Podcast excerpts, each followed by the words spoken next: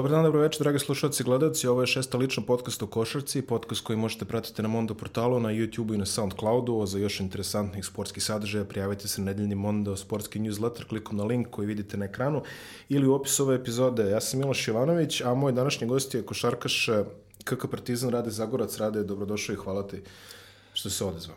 Hvala na pozivu. Uvek mi je drago da se odazivam nekim dobrim projektima poput ovog A, mislim da eto na nekom našem tržištu je postojala jedna a, nepopunjenost što se tiče ovakvih formata, tako da eto zadovoljstvo mi je što sam i ja deo. Drago mi je što tako misliš. Um, ajde počnemo od onog aktualnog što bi se rekao. Uglavnom, s ljudima krenem iz početka, ali s tobom ćemo da krenemo od onog što je in media stres. Znači, um, Partizan ove sezone, vi ste sada na nekoj polusezoni kao i ostatak naših kluba, recimo da je prošla, ajde, prošla je pola Jadranske i jedna faza Evrokupa je za vama, ona iz koje ste morali da se iskopate da biste ušli u borbu za dalje. Uh, kako ocenjuješ trenutno učinak Partizana i koliko si ti zadovoljan kako sve to izgleda sada? Mislim da imamo apsolutno zadovoljstvo za neku a, blagu satisfakciju. A, ekipa je pravljena u skladu sa time da u ovom trenutku ima obezbeđen plasman u drugu rundu. Mi smo to radili sa drugog mesta, što je onako dosta respektabilno, ako pogotovo ako računamo neki realan kvalitet ekipa iz naše grupe. E, moje mišljenje a, da će sve ekipe iz naše grupe, posebno eto Venecija koja mi onako prva, prva dolazi, e, stići daleko. Tako da mislim da imam razloga za ta, to neko, neko zadovoljstvo koje naravno ima neke granice jer prosto ono pravo tek sledi što se tiče ABA lige. Uh, tu delimo prvo mesto sa još dve ekipe. Uh, um, postojalo je vjerojatno neke, nekoliko utakmica um, koje je možda trebalo da dobijemo, ali prosto nekim jako čudnim uh, rasporedom, posebno na početku što se tiče nekih gostovanja, uh, moramo eto da kažemo da, da te neke poraze mora, moramo razumeti. I dalje je sada pred nama ta druga faza gde imamo dosta više utakmica kod kuće, a i samim tim malo veću odgovornost da te utakmice moramo pobediti. Uh, grupu u Evrokupu koju si rekao, ja, mislim, ja sam mislim da je to bilo izuzetno ovaj, kvalitetna grupa, ajde ne kažem sad teška, što bi se reklo. Ali ove, ovaj, dosta ste se dobro izborili, dosta dobro krenuli eto, ostaje šteta za to prvo mesto, jeli dobili bi baš uh, dosta laganiju grupu u drugoj fazi. Međutim, sad dobili ste um, Virtus, uh, Trento i Darušafaku. Uh, ja verujem da su mnogi u Partizanu priželjkivali da četvrta ekipa bude Breša da biste zaokružili italijanski ovaj da. trougao. Do toga ipak nije došlo. A, imat ćete priliku da igrate protiv e, prvog favorita za osvajanje Evrokupa ove sezone i to odmah 8. E, januara u Beogradskoj areni. A, da li misliš da je ta utakmica dobar test vaših ambicija za dalji evropski boj ove sezone? Prosto mislim da zvuči onako malo izlizano, ali nijedna ekipa u drugoj fazi nije bez razloga. Mm. Um, možda, eto, uporedio bih sa nek, napravio bih paralelu sa nekim prethodnim godinama gde smo imali onako uh, 3-4 baš izrazita favorita za osvajanje. Ove godine mi deluje da je to um, dosta ujednačenije. Mm. Uh, Virtus svakako jeste jedna od tih ekipa i verujem i siguran sam da će to biti jedan svojevrsni spektakl. Uh, imamo dosta poznatih lica koja, koja nastupaju za Virtus. Um, malo je eto i pritisak sa naše strane na, na navijače da do sada arena nije bila uh, skoro popunjena ili popunjena. Tako da sad su i oni malo pod pritiskom i eto zamenili smo malo ulogi, mi smo izvršili pritisak na njih, što bih i ovom prilikom rado radio. Tako da očekujem stvarno jednu, jednu dobru manifestaciju u kojoj uh, treba da pobedimo. Ostale dve utakmice, ostale dve ekipe, pardon, Darušafaku znamo iz predsezone, igrali smo, pobedili smo ih, međutim oni su svoj tim nekako i u hodu sklapali, novih lica je bilo dosta, tako da oni su vrlo respektabilna ekipa u, u ovom trenutku. Trento takođe znamo od prošle godine, gro nekih igrača je ostao, pojačani su Gentileom, ali sve to verujem da kao i do sada uz neki pravovremen scouting i pripremu mislim da mm, ćemo dočekati onako kako treba. Rade, ono što je meni pogotovo interesantno je što je ove sezone Partizan se, tako da kažemo, posle jedne manje pauze, barem što se medijskog oka tiče, što se žiže tiče, Partizan se vraća kao veliko ime u evropskim okvirima. To mislim konkretno na Evrokupove. Pre dve sezone imali smo situaciju kada trener kaže da Partizan nema ambicije igra ono jer mora, a sada imamo Partizan koji se svrstava među prve favorite, što je mislim da je ovako jedna izuzetna zdrava promena za naše uslove. Prosto i za, i za nas, pre sada pričam iz neke perspektive navijača Partizana, ne nekoga koji je unutra, i za nas jeste jedan malo sušniji period od 5, 6 ili 7 godina, gde su onako neki, neki postulati na kojima Partizan treba da se zasniva malo bili um, izmešani, eto tako da se izrazim. Uh, prosto moje neko viđenje stvari je uma kakvom god da je stanju Partizan, pristankom da, da, da potpišete, da igrate za Partizan, sami tim na sebe uzimate jedno breme odgovornosti koji, za koje navija, ne znam, 30-35% ljudi iz ove države. Uh, I šire. Tako je, naravno. Tako da mislim da je to sve jedna, jedna odgovornost na svima nama da vratimo taj jedan opet fajterski, pobednički mentalitet i među navijače i među sve nas. Mislim da smo na dobrom putu, ali prosto ni jedan oporavak ne ide linearno, ni jedan oporavak ne ide u kontinuitetu.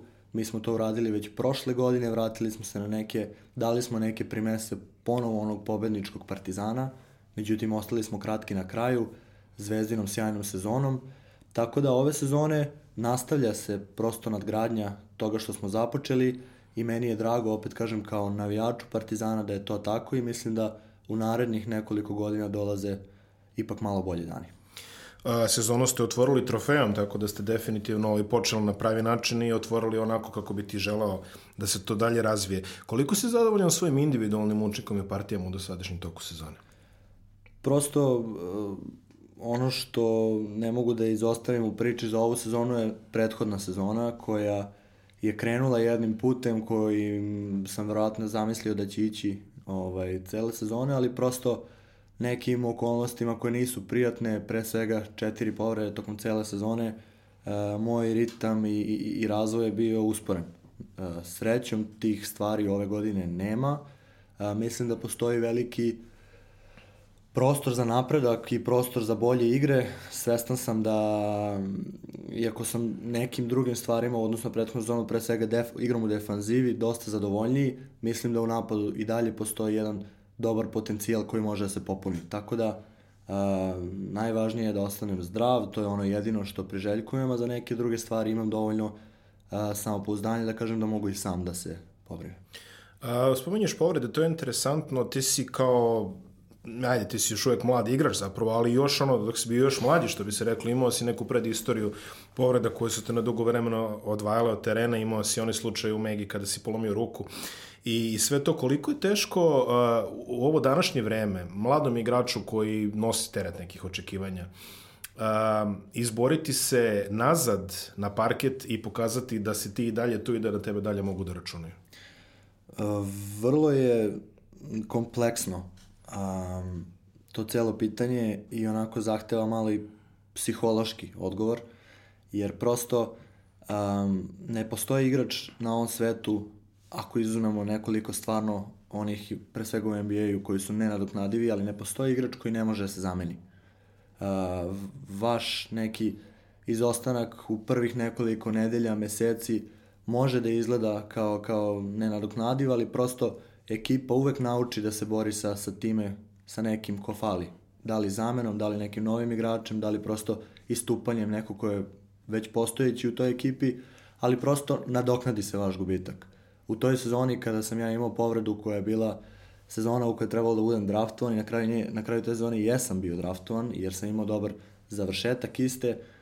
Prosto krenuo sam nekim, na neki odličan način, slomio ruku tri meseca baš protiv Zvezde, tri da. meseca sam bio van terena i neki drugi momci koji su bili ekipe su istupili, zauzeli ne, možda neku moju ulogu koja je bila potrebna i koliko god to možda zvučalo um, čudno, mislim da svaki igrač, to je, možda neće svako priznati, ali nijednom igraču nije lako da vidi da njegova ekipa igra apsolutno isto ili bolje bez njega, jer pre svega a, svi smo mi košarkaši, imamo neki svoj ego, imamo neko svoje ovaj, neki svoj ponos, tako da naravno pored toga da nam je drago da, vaš, da se vaši drugari uh, i saigrači razvijaju u pravom smeru, uvek nekako upoređujete kako je to izgledalo sa vama, kako to izgleda bez vas. Tako da, apsolutno je neistina kada neko kaže da mu je potpuno drago i da je potpuno srećan da ekipi ide dobro bez njega.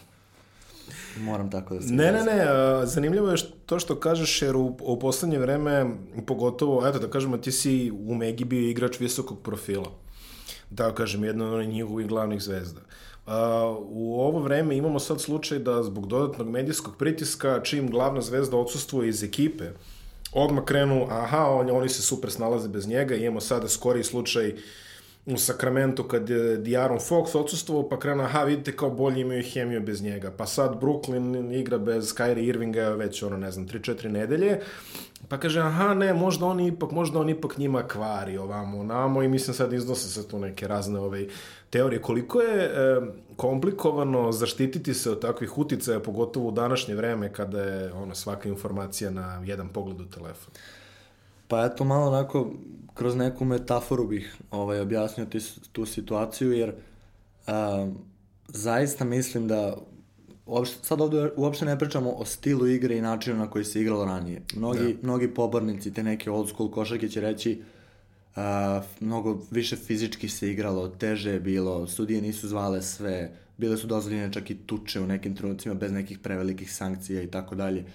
Um, ono što po mom mišljenju pravi razliku je apsolutno su društvene mreže i pritisak medija. Mm. Pritisak medija je uvijek bio tu, ali ne na ovolikom nivou, jer prosto danas, uh, eto, figurativno rečeno, svako ima apsolutno pravo da vam pošalje šta god poželi, na koji god način poželi, uopšte bez ikakve cenzure, odgovornosti i tako dalje, a eto, u prošlom nekom vremenu bi to bilo kao kada bi neko zakucao na vrata, mm.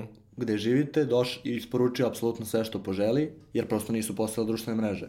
Tako da, e, vrlo zna da bude izazovno u početku kada se susrećete sa time, ali prosto i nažalost naviknete na te stvari kao neku normalnost i tu uopšte ne pričamo o Srbiji jer je prosto svuda tako, ne, negde je više, tako, da. negde je manje.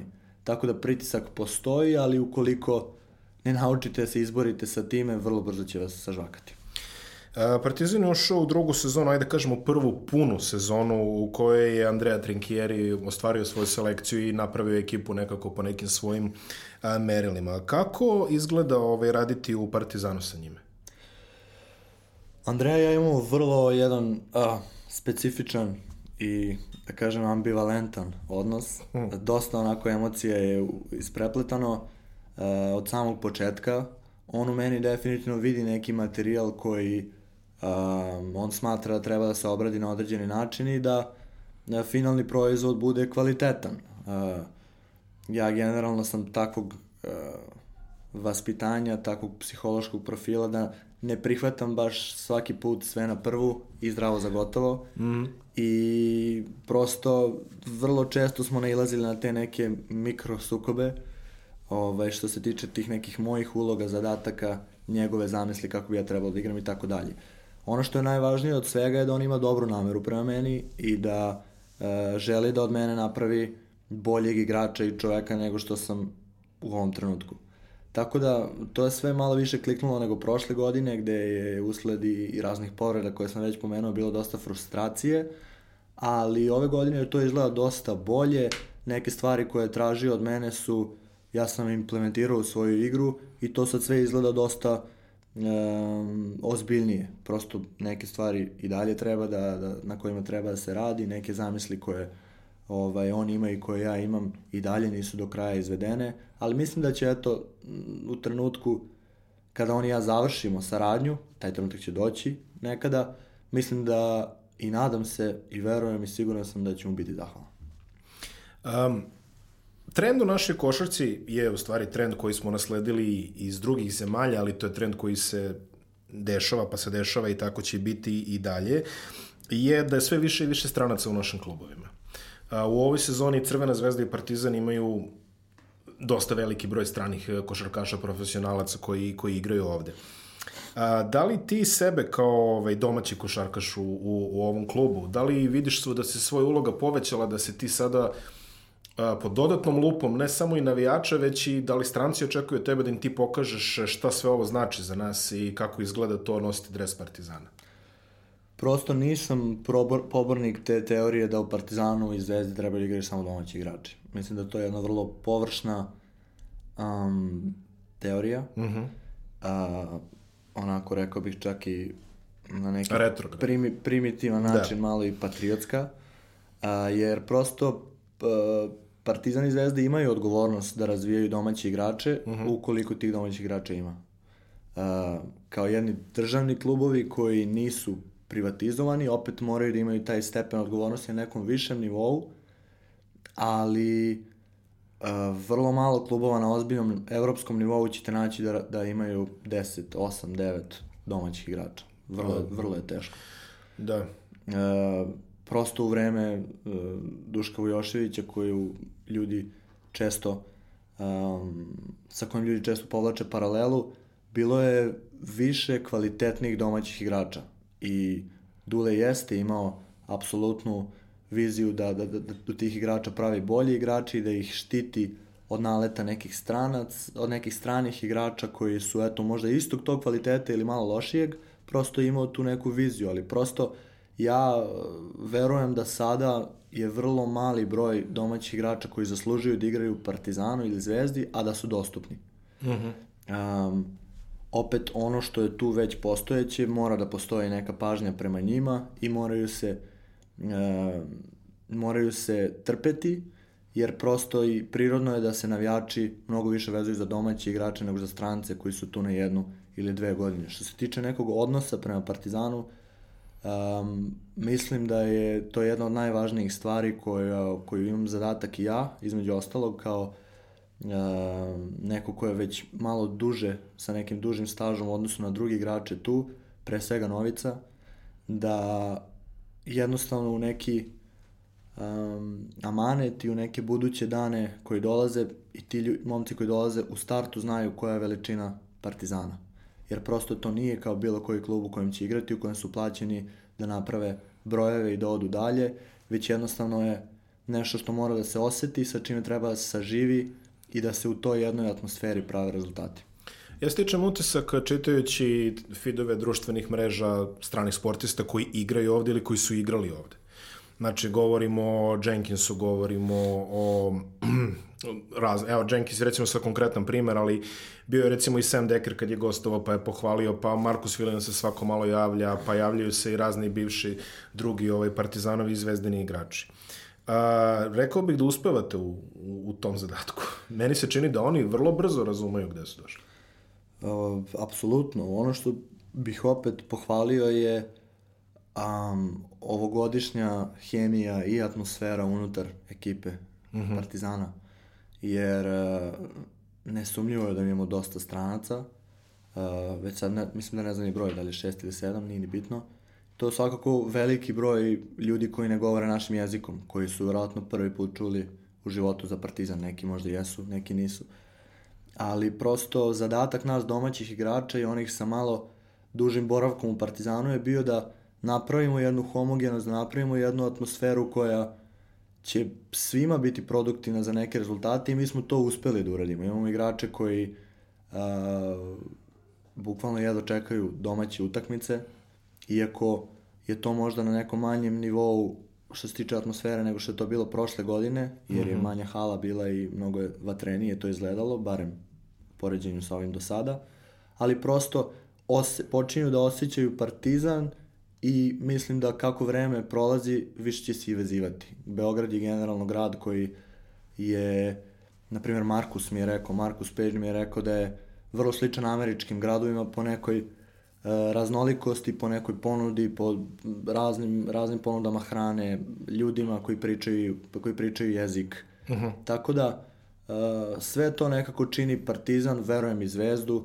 posebnim u, u, u, u očima svih tih stranaca koji se kasnije vrlo rado i turistički vraćaju u Beograd. Uh, rekao si mala hala, velika hala, pionir protiv arene, argument, ono, mislim, svašta čovjek pročitao, ono, znaš, ono, pričaju o tvrdim obručima, o ovome i onome, Ajde, ovaj, tvoje neko viđenje na tu temu.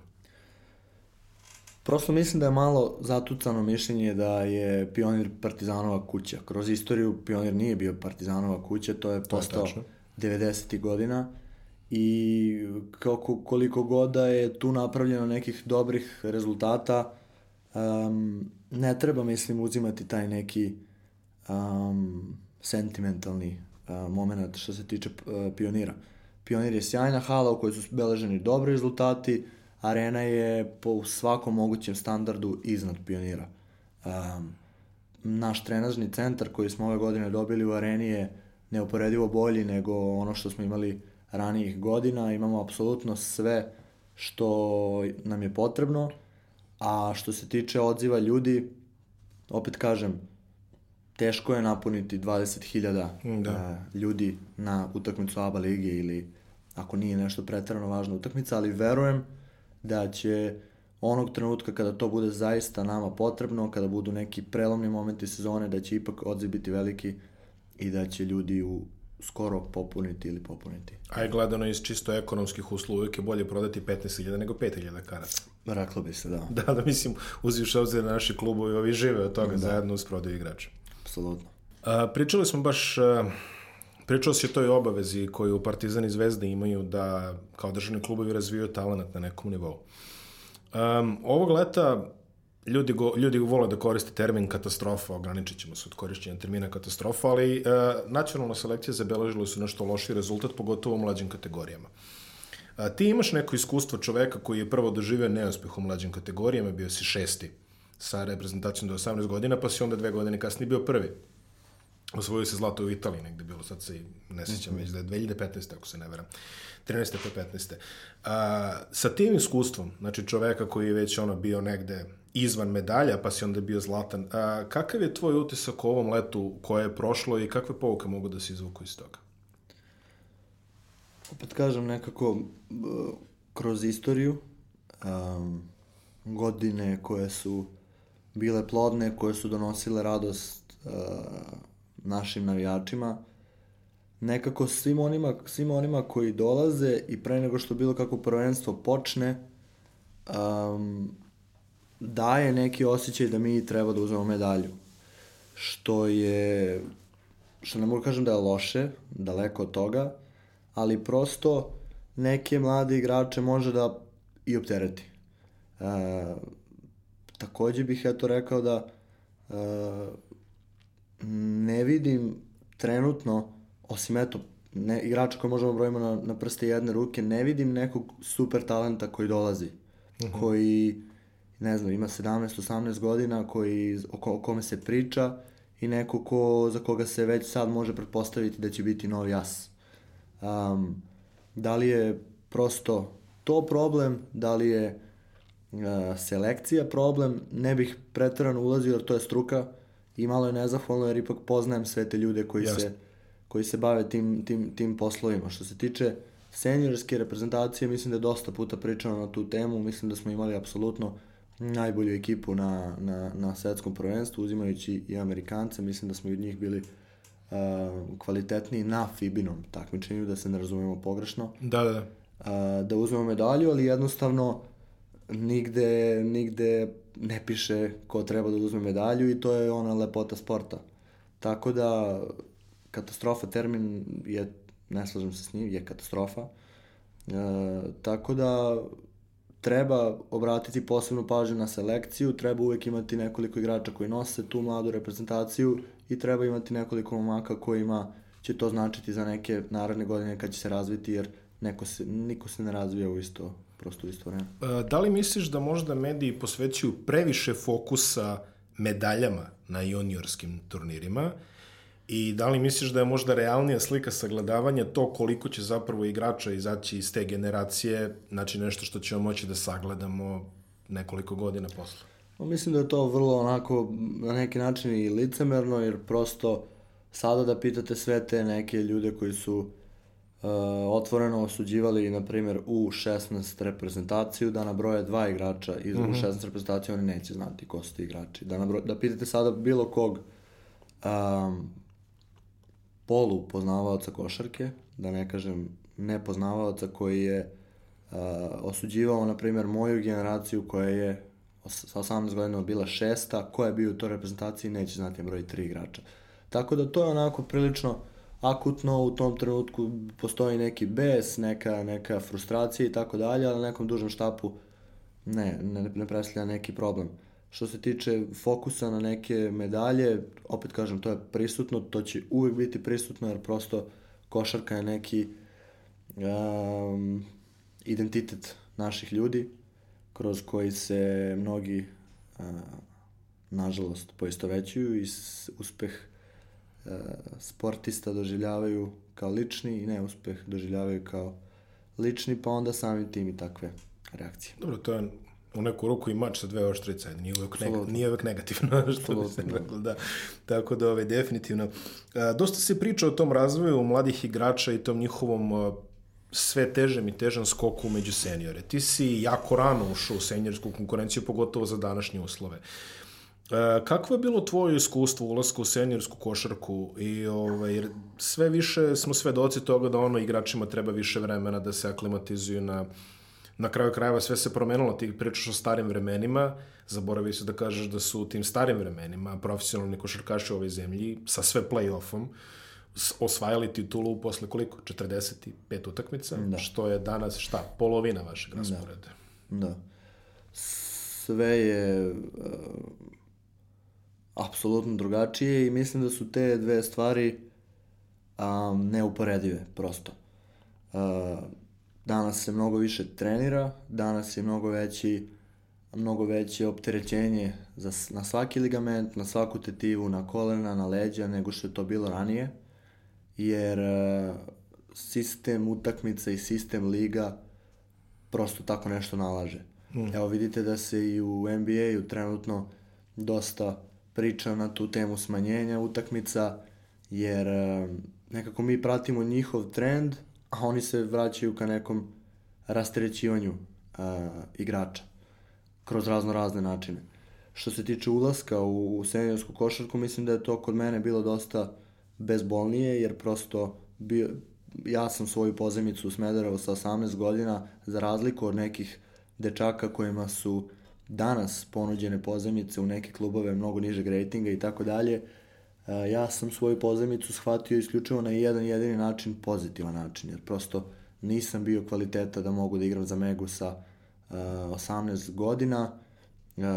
Jasno mi je bila predočena neka, neka vizija šta će to biti nakon godinu dana igranja u Smederevu, šta me čeka, na šta sam se ja, sa čim sam se ja potpuno poistovetio i sa nizom svojih drugara koji su bili u toj generaciji 95 A, Mege je otišao u Smederevo, imao jednu odličnu sezonu, posle koje sam bez problema isto tu seniorsku košarku na nekom opet malo više nivou igrao Megi. Um, mnogi igrači koji su gostovali ovde, oko, evo Novica prvi, na primjer, on je prvi ovaj, um, zastupnik te teorije da igrač treba da se kale kroz B ligu, kroz, tad je bila B liga, jeli. Ovaj, šta ti možeš da preporučiš sada mladim igračima koji ne ulaze ako im se pruže prilika da odu u pozemicu na niži rang? Ako je takva situacija da u trenutnom klubu ne možete da imate neke značajne um, uloge i minute, apsolutno. Bez obzira na ono, znači najbitnije je prostor u suštini. Apsolutno, u tim godinama da u tim godinama, najbitniji prostor. Čuli smo to više puta, ali evo lepo je što je to rekao jedan ove je čovek ove generacije igrača, što bi se reklo, mm -hmm. da ne mhm. bude samo da stariji pričaju, da stariji pričaju o tome. Radi, imao si priliku da učestvuješ u dve najjače lige na svetu, bio si član Memphis Grizzlies jedno kratko vreme i bio si član Betisa u, ove, u ACB ligi. A, kakvo iskustvo nosiš e, ne igračko koliko, nego kada bi mogo da uporediš sa time kako naši klubovi izgledaju naspram njihovih u organizacijonom pogledu? Onako, dosta je teško porediti neke stvari, jer um, pre svega finansijski sistem u Americi koji je usresađen na sport i finansijski sistem u Evropi, pa onda i u Srbiji, su diametralno suprotne stvari. Um, jednostavno, u, u Americi je sve apsolutno urađeno tako da vi, jedina stvar na koju treba da mislite je teren. Ne mislite ni o tome da li će da li ćete popiti proteinski šejk posle treninga, ni da li će a, vaša mama moći da doleti iz Beograda preko Njujorka ili preko Čikaga, da li će, a, kako ćete otići na aerodrom sutradan, da, da li imate opremu, to, to stvari o kojima se uopšte ne razmišlja.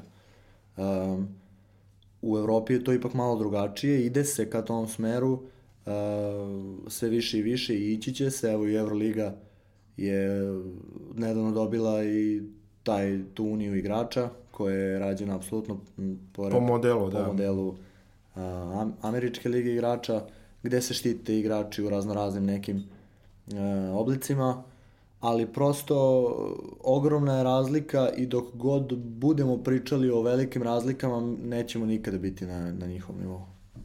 Šta misliš, e, šta je ono što odmah možemo da uradimo da budemo bliži, a što možda ne zahteva financije?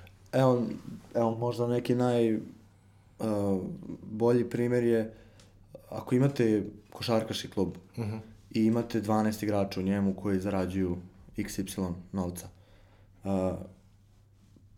svi oni zarađuju ne, na nekom višem nivou verovatno više od 100.000 evra u nekoj ozbiljnoj ekipi. Yes. 100.000 evra je uh, prilično nizak ugovor za ozbiljne, za ozbiljne ekipe. Uh, umesto da tih 100.000 evra dodate nekom igraču koji prima 600, da bi on primao 700, vi tih 100.000 evra možete da uložite u to da svih 12 imaju fenomenalan trening, trening centar za oporavak, na primjer. Da, da. Kada se završi utakmica da svi oni mogu da odu, ne znam, u kriosaunu, hiperbaričnu komoru, da rade normate kompresioni sistem, da uh, imaju masažu, da imaju čoveka koji ih isteže, da imaju suplementaciju i to sve neko što više od 100.000 evra, sve zajedno. Uh mhm. -huh. Oko 100.000 evra košta. A da ne pričamo o tome da ukoliko to nemate, ako je svaki igrač um, osuđen na to da sam traži te stvari, a prosto igrač sam pa znam kakva je psihologija u tom trenutku, ne znam, vratite se 11 uveče, umorni ste, ma kao radit ću sutra. Uh mhm. -huh. Vrlo često, kada nije ni do čega preumorni ste, doletali ste. Da ne pričam o tome da svaki od tih igrača može da se povredi i da ga izgubite na 3-4 meseca, pa da umesto njegovih 600.000 evra koji ćete nastaviti, a plaćate, morate da dovedete nekoga koji će za ta 3-4 meseca 300.000 evra, na primjer, naplatiti ili da. 200. Pa vidite koliki su to gubici. Tako da mislim da pre svega ta neka uh, svest o tim stvarima nedostaje uh mhm. -huh. i mora da ukoliko nije predočena ljudima koji vode klubove, mora biti predočena od ljudi koji imaju tu svest. Dosta ovaj, e, jasno si ovo apostrofirao, uzevši obzir ono što smo već pričali o rasporedima koji su sve duži i duži, delo je kao da je investicija u taj wellness and recovery, što bi rekli ove amerikanci. Mm definitivno jedna od, od glavnih stavki. A rade ove, ono što ljudi ne, ne citiraju nešto previše u štampi, a što je zanimljiv podatak je da si ti zapravo reprezentativac Srbije u dva različita sporta. Da se tako, da se tako izrazim, osvojio se zlatnu medalju kao uh, junior u 3x3 basketu. Mm -hmm. A, koliko ti je iskustvo sa basketa, uh, ja sam slušao dosta od starijih igrača koji su pričali o tome kako je to njima mnogo pomoglo. Aleksandar Đorđević među prvima koji je pričao da je iskustvo s basketa neprocenjivo za profesionalnu košarku njemu bilo. Koliko ti misliš da ovaj, je basket i dalje zdrav ili možda i negativan, ne znam, ali koliko misliš da je to i dalje zdravo praksirati i koliko je dobar način kaljenja mladih igrača i sticanja nekog instinkta za košarku? Pa verujem da sada kada bih ispričao svoj neki stav o tome, ne bi se mnogo razlikao od stava svih tih hasova koji su već pričali na tu temu. Ja sam mnogo ogradsko dete i prirodno je da sam da. Uh, se kalio na, na, na basket terenima. Prirodno da si gulio kolena na betonu. Da, da. da. Tako da ne bih eto ponavljao, verovatno ne bi ni previše zanimljivo bio moj stav o, o tome svemu, ali eto na primjer kod Miloja u Megi postoji uvek jedan dan kada se igra samo basket pre podne koji traje dva sata. Tako da neka ta nega o nekim starim um, načinima napredovanja kroz basket i dalje postoji. Mislim da je važan, mislim da na manjem prostoru možete da apsolutno morate više da razmišljate i da, da imate onako precizniju motoriku kako biste dali koš, tako da apsolutno sam pobornik uh, basketa.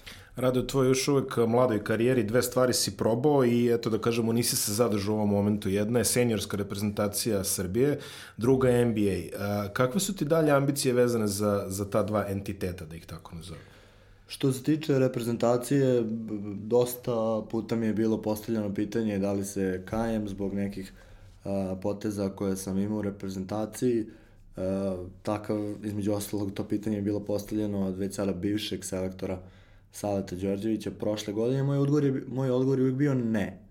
Ne kajem se, jer prosto a, sebi nikada ne ostavljam prostor uh, da u nekom trenutku mogu da se pokajem. Uh -huh. uh, tako sam vas pitavan u toj nekoj, u tom nekom tonu da moram da razmišljam.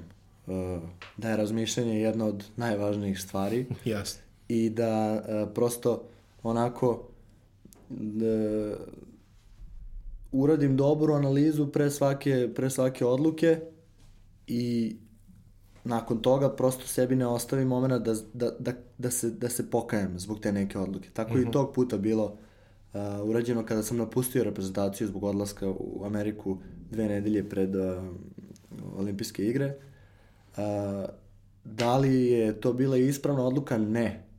Uh, nije, ali postoji razlika između pokajanja i ispravnosti, odnosno neispravnosti. Yes. Tako da Ne kajem se da li, sam trebao, da li trebalo drugačije da postupim sada iz ove perspektive, da, ali u tom trenutku je to bila odluka koju sam ja želeo, koju sam razmišljao na pravi način i koju sam uradio. Ja sam se sa Saletom uh, prošle godine izmirio, rekao mu svoj stav o reprezentaciji da ja želim da vidim sebe u tome ukoliko zaslužujem da igram za reprezentaciju i tu je stavljena tačka na to. Jasno. Uh, već, već u prethodnom periodu me je kontaktirao novi selektor, Igor Kokoško vezano za neke naredne reprezentativne akcije, tako da vrlo rado ću se od, odazvati. Imaćeš i brzo priliku, ovaj, verovatno. Da. Što se tiče Amerike, uh, Amerika je mene, mogu da kažem, dosta uobličila u čoveka u koji sam, koji sam danas, jer prosto uh, vrlo mlad, uh, fizički, duhovno i intelektualno nezreo sam otišao tamo nespreman za za jednu mašinu koja, koja melje 24 sata, nespreman na pritisak koji je, koji je tamo i na kraju nespreman na taj neki emocionalni deo koji je apsolutno izostavljen. Ja sam emotivan čovek i neke stvari doživljavam mnogo emotivnije nego što bi to možda trebalo i nažalost u sportu kojem se ja bavim e, emocije su mana. e, mogu mnogo više stvari oduzeti nego, nego što mogu da donesu. E, tako da, e, sve to je rezultiralo da je nas bilo 17, dvojica su sa garantovanim ugovorom, dvojica su bila višak, matematički moj ugovor im je bio najisplativiji da ga se, da ga se reše, da ga e, plate, tako da e, to je, verovatno će uvek ostati kao neka mala, mala rana, kao neki mali ožiljak koji, koji će biti na meni, ali to je nešto kroz šta sam naučio da funkcionišem i kroz šta sam prosto morao da nastavim dalje. A imaš i vremena, možeš se i vratiš. Apsolutno.